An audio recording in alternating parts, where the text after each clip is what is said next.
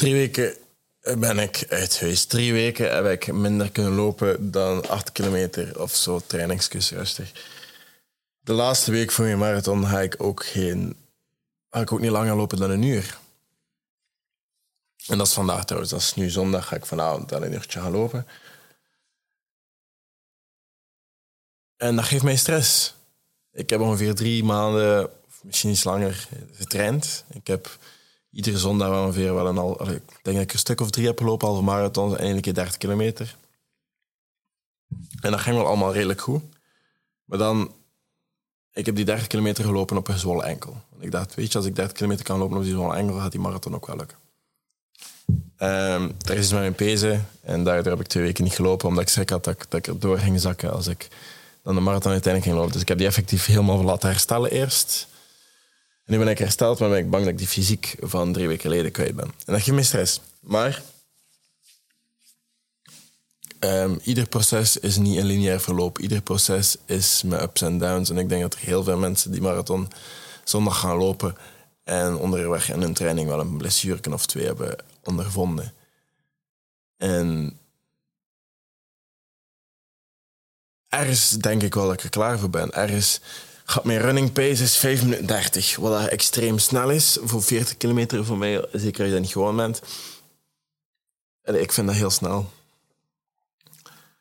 En of dat gaat lukken, goh, dat zullen we dan zien. Als dat niet lukt, dan, dan de volgende marathon had dat dan moeten gebeuren. Maar um, uitlopen is nu echt het meest belangrijke. En die vier uur, dat blijft de goal. Dat gaat altijd zo bij. ik, ik ben niet iemand die goals vermindert. Um, ik ben oké, moest dat niet lukken. Want dat geeft mij een mogelijkheid om het nog een keer te proberen. Dat is niet erg. Maar ik ga mijn doel niet verminderen, omdat ik nu drie weken uit ben geweest. Zo zit ik niet in elkaar. Um, maar dat is een 5 minuten 30 pace, wat heel snel is. Wat ik heel goed ga moeten timen, dat, dat, dan heb ik daar stress voor, absoluut. Maar deze podcast gaat eigenlijk gewoon over het proces naar die marathonzondag. Wat ik gedaan heb, hoe ik het volgende keer zou aanpakken, wat ik anders zou doen. En dat is het zo. En ik heb stress, maar ik heb wel gezonde stress en ik ben er wel mee bezig. Want dat is de eerste keer dat ik die afstand ga lopen voor heel mijn leven. Ik heb nog nooit een marathon gelopen. Ook met die reden. Ik kon in mijn training al een keer 40 kilometer hebben gelopen, gewoon om te zien of ik het kon. Maar de eerste marathon dat ik wil lopen, gaat die marathon zijn in Rotterdam. Dat gaat de eerste ooit zijn. En dat, is de challenge en dat gaat vechten zijn. En dat is leuk, want het is lang geleden dat ik nog zoiets had om naartoe te werken. En, er is al iets volgends gepland.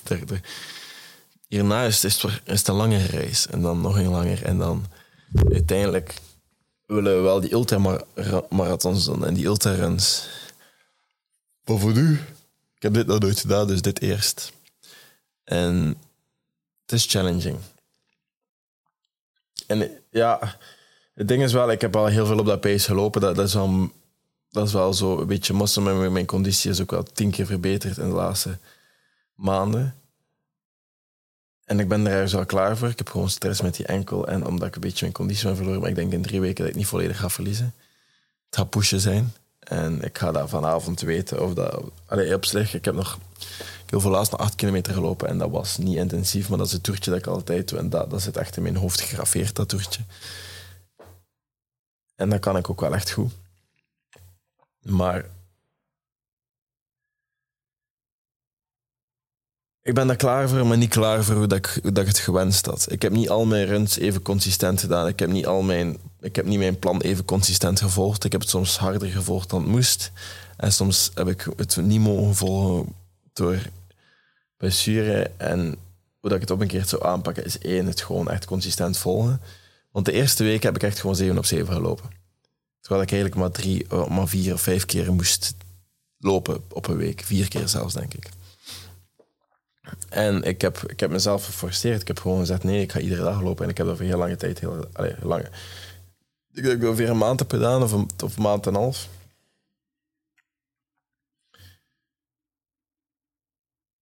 En dan plots denk ik, oké, nu houdt het schema van, dan volgt het schema. En dan gaat goed, hè? Maar ik denk, moest ik puur dat schema consistent volgen tot de dag van vandaag, ging ik mezelf veel meer klaar voelen voor die race. Veel meer. Een ding is wel, ik ben veel beter geworden in het mentale aspect van deze sport. Daar ben ik echt veel extremer en veel beter geworden. 10 kilometer drie maanden geleden was voor mij wow. Vanavond ga ik 10 kilometer lopen, minstens. En dat is, dat is een walk in the park, dat is rustig. Dat is een klein afstandje. Dus een mentale aspect van lange afstanden te langer, langere, want 10 kilometer is niet lang. Langere afstanden te lopen. En dat gewoon te doen, is veel minder zwaar geworden. En dat, dat, gaat me wel, eh, dat heeft me wel een edge gegeven. Dat is wel, dat is wel leuk. Nu, in deze podcast ga ik verschillende dingen bespreken. Ik ga één, mijn gemakkelijke zondagruns bespreken. Mijn easy runs. En mijn lange afstandruns. Dan ga ik ook vertellen wat ik geleerd heb over lactaatzuur. En mijn nutrition, wat niet altijd super goed was, maar daar ga ik ook over wabbelen. Ik ga ook praten over rust en recovery en leren luisteren naar je lichaam, maar dat voor mij waarschijnlijk wel de grootste challenge was in dit proces. En ik ga het strategische aspect van heel dit, heel dit plan ook een keer uitklaren. Dan denk ik dat misschien sommige mensen ook wel iets aan hebben. Het meeste van mijn training was echt gewoon op hartslag lopen. Was echt gewoon, ik ga niet horen dan een 160 hartslag. En ik ga dat lang volhouden. En ik ga dat echt gewoon, dat gaat soms een trage tempo zijn. En ik weet dan nog de eerste keer dat ik, dat ik een halve marathon overlopen over laatst. Allee, de eerste keer in deze training was denk ik dat ik um, mijn vriendin had gevraagd voor zet mij af in lokeren en ik ga zelf naar huis teruglopen. En ze heeft dat gedaan. En dat was ongeveer 21 kilometer. En ik had dat gedaan in twee uur en iets. Was niet opeens, dat was traag. Maar ik heb wel aan één stuk gelopen en dat ging wel goed. En zo heb ik dan nog een paar keer zo die afstandjes gedaan. En um, de laatste keer dat ik 30 kilometer heb gelopen, heb ik heel veel hetzelfde toertje gedaan. En het doel was onder de drie uur en dat was 2 uur en 51 minuten. En dat is me wel gelukt. En ik heb waterpauzes genomen ondertussen. Dus die pace zat wel goed. Maar um, voor de marathon ben ik van plan om een, een te dragen met water. Ook al zijn er heel veel waterstops. Ik wil water drinken om mijn eigen pace en niet vertragen om water te drinken. Ik um, ben ook aan het nadenken over nutritie tijdens de race.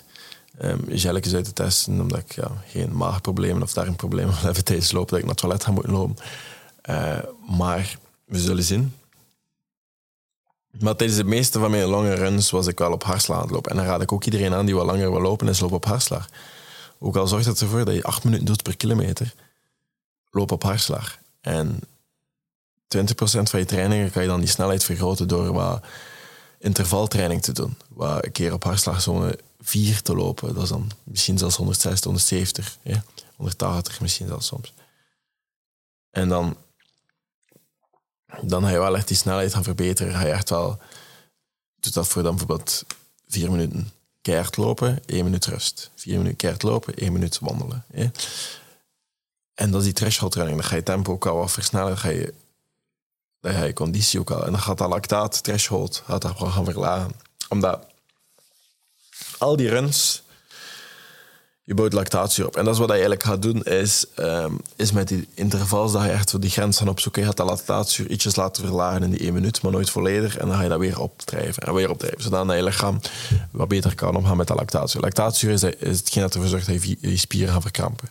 Voor het volgende is, ja, naast dat je zo af en toe je pace gaat moeten trainen en um, mijn pace te doen in de race al vijf uur, uh, vijf minuten 20 Tussen 5 minuten 20 en 5 minuten 29. Daarin gaan mijn pace liggen. Durende heel de marathon hopelijk. dat is het dreamscenario uiteindelijk. Um, als dat niet zo gaat zijn, dan zullen we dat dan wel zien. We zullen wel zien welke problemen dat zich voordoen. Maar um, iemand heeft mij ooit uitgelegd, je moet dat zien als een, een gsm-batterij.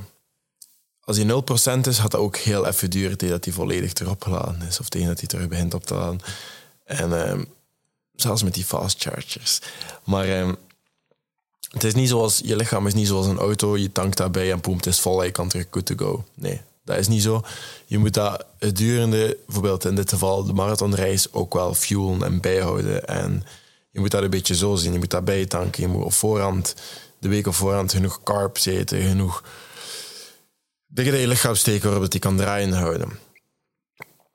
En tijdens de reis moet je ook je lichaam vol met isotonische drankjes en zo, whatever dat, dat, dat allemaal inhoudt, zodat je kan blijven, blijven gaan. Want als die 0% is, dan is het moment wanneer mensen de hit the wall, dat ze de wall hitten, dat ze niet meer verder kunnen. Heel veel mensen zeggen dat de marathon eigenlijk een 30 minuten, een 30 kilometer opwarming is en een 10 kilometer race op dat moment gaan, de meeste mensen de wall hitten. De laatste 10 kilometer gaan, vechten zijn. En mijn doel is om die wall niet te hitten. Om voorbij die wall te gaan, te gaan en door te strijden. Dat is, dat is mijn doel. Dus ik ga het echt als volgt aanpakken. Ik ga um, veel, bijvoorbeeld nu de laatste week ga ik heel veel carbs eten, koolhydraten. Dus ga ik wat meer rijst eten of wat meer patatjes of whatever dat ik koolhydraten uit kan halen. En ik ga mezelf daar wel een beetje mee volsteken. En ik ga ook wat meer... Um, nu bijvoorbeeld tijdens de run ga ik een paar gebruiken om, uh, om de 45 minuten of iedere 10 kilometer twee gelletjes of eentje op zijn minst. Dus ik ga er een stuk of acht of vier, vier tussen vier en acht ga ik ermee hebben.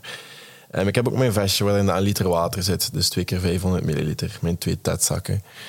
En dat gaat er ook voor zorgen dat ik kan drinken tijdens, dat ik gehydrateerd blijf, dat ik kan lopen, dat ik fuel heb. Dat ik wat het extra heb, dat ik er wat extra uit kan halen. Um, ook heel mijn outfit is gedesigned zodat ik minder wrijving heb. Um, ik heb zo een, een spannend broekje met daarover zo'n shortje. Zo, en in dat spannend broekje kan ik mijn telefoon kwijt. Ik ga mijn AirPods insteken.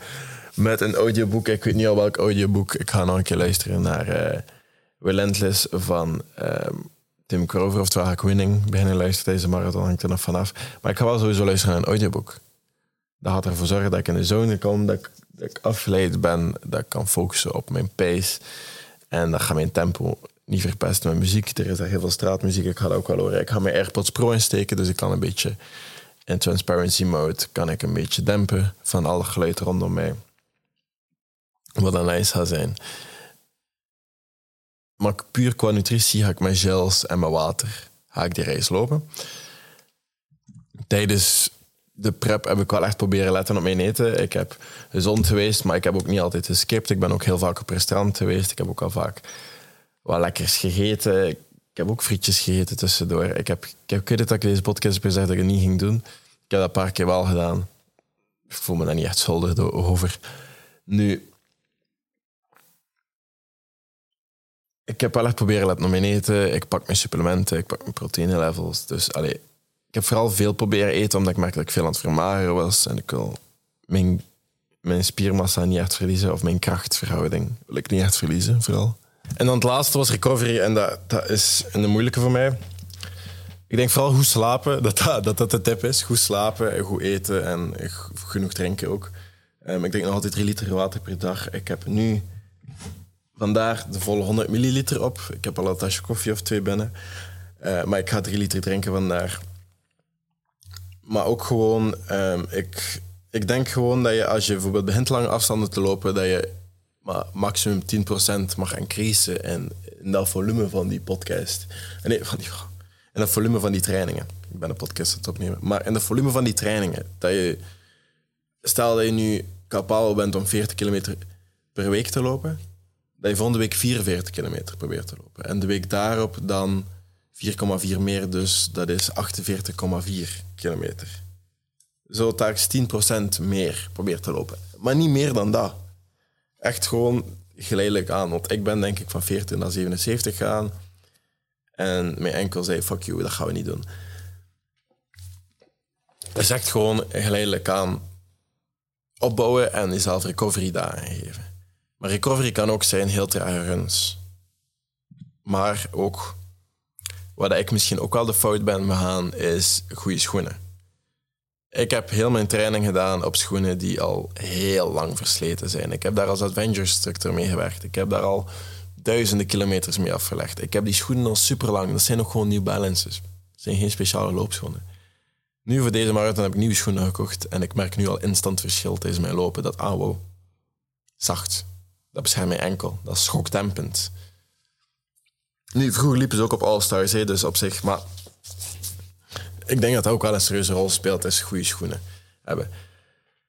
En dat ook wel de recovery. En luister naar je lichaam, bijvoorbeeld. Ja, mijn enkel... Ik had het wel echt niet lang gezien. Ehm, ik, ik had een week een dikke enkel, denk ik. En plots lag ik s'avonds mijn vriendin in de zetel. Ehm, of ja, ik was mijn sokken aan het uiten, denk ik.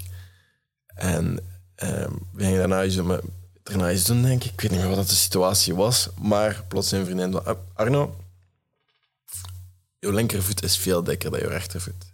En ik keek en dat was wel effectief zo. En dat weekend heb ik die 30 kilometer gelopen en mijn enkel deed fucking veel zeer. Echt niet normaal. Ik deed zoveel zeer dat ik de dag nadien echt schrik had. Dat ik niet meer durfde lopen. Ik dacht van... Mm. Ik kon nadien ook amper recht staan, hè, maar ik, ik, ik heb dat niet getoond, ik heb nog naar huis gewandeld. Want ik dacht van, we gaan doorzetten. Niet de slimste beslissing was, maar ik ga niet zo snel twee weken niet lopen. Ik dacht, nu moet ik die gewoon volledig laten herstellen, anders de marathon is out of the question. Uh, dus ik heb dat gedaan. En nu zitten we hier. Maar ik denk, luister naar je lichaam.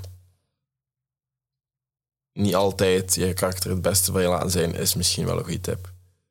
En hetgeen dat het meeste mijn, mijn trainingen heeft gekild en mijn progress, is mijn ego. Te snel gaan op loopjes dat, dat, eigenlijk, dat ik het eigenlijk niet kon. Te hard trainen op loopjes dat eigenlijk rustig moesten zijn. Te ver lopen op loopjes dat ik mezelf moest inhouden te ambitieus zijn qua doelen, misschien qua tijd, et cetera. En nu ben ik hier en drie weken later en tijdens de marathon, ik ga ook gewoon mijn ego aan de kant moeten zetten. Ik heb nu dat doel van vier uur en dat is een 35 minuten. Als ik merk na 30 kilometer van, of eerder zelfs van, dit gaat niet worden, ik moet anders aanpassen om dit uit te lopen, dan ga ik mijn strategie moeten aanpassen. Maar de balans tussen dat beach voice en me dat zegt van hm, dit gaan we niet doen en dit gaat echt niet lukken, is wel een fine line. En dat gaat dat strategisch aspect worden. Want hoe snel moet ik lopen? Dat is laatste. Hoe snel moet ik lopen? Hoe lang ga ik erover doen? Hoe, is, is mijn hartslag? Vooral luisteren naar mijn hartslag. Hoe vermoeiend vind ik? Hoe voel ik mij? Gaat het lukken? Sowieso. Maar vanaf het begin moet het al voelen dat het gaat lukken. Anders zitten we met een probleem. Oké, maar dat is dus... Ik denk gewoon... één, hou rekening met je lichaam. Luister naar je lichaam. Ik spreek vooral tegen mezelf hier. Slaap, recover. Hou je statistieken bij. Kijk naar je pace. Kijk naar je hartslag. Kijk, loop ik te hard? Voor dit training was echt mijn horloge. Ik heb, ik heb niet de duurste. Ik heb een Forerunner 200 en iets, denk ik. Ik heb echt zo'n goedkoop. Voor, voor 200 euro heb je dat. Het is niet zo de zotste Garmin dat daar is heeft wel een goede GPS, dus mijn pace en zo kan ik wel bijhouden. Maar ik denk, luister van jezelf, trainingen, laat je ego niet echt in de weg staan. En we zullen zien, na zondag. En ik denk, deze week challenge is een beetje in het thema van al, samen alle podcasts waarover ik praat, is iedere dag een half uurtje tijd maken voor jezelf, om te bewegen, om te sporten, om je gelukkiger te voelen, om daar meer energie uit te halen. Als je daar iets van online post, gebruik de hashtag tot later challenge. En moest je iets gehad hebben in deze podcast, deel dat met iemand. En dan zie ik jullie morgen met een andere podcast. Tot later.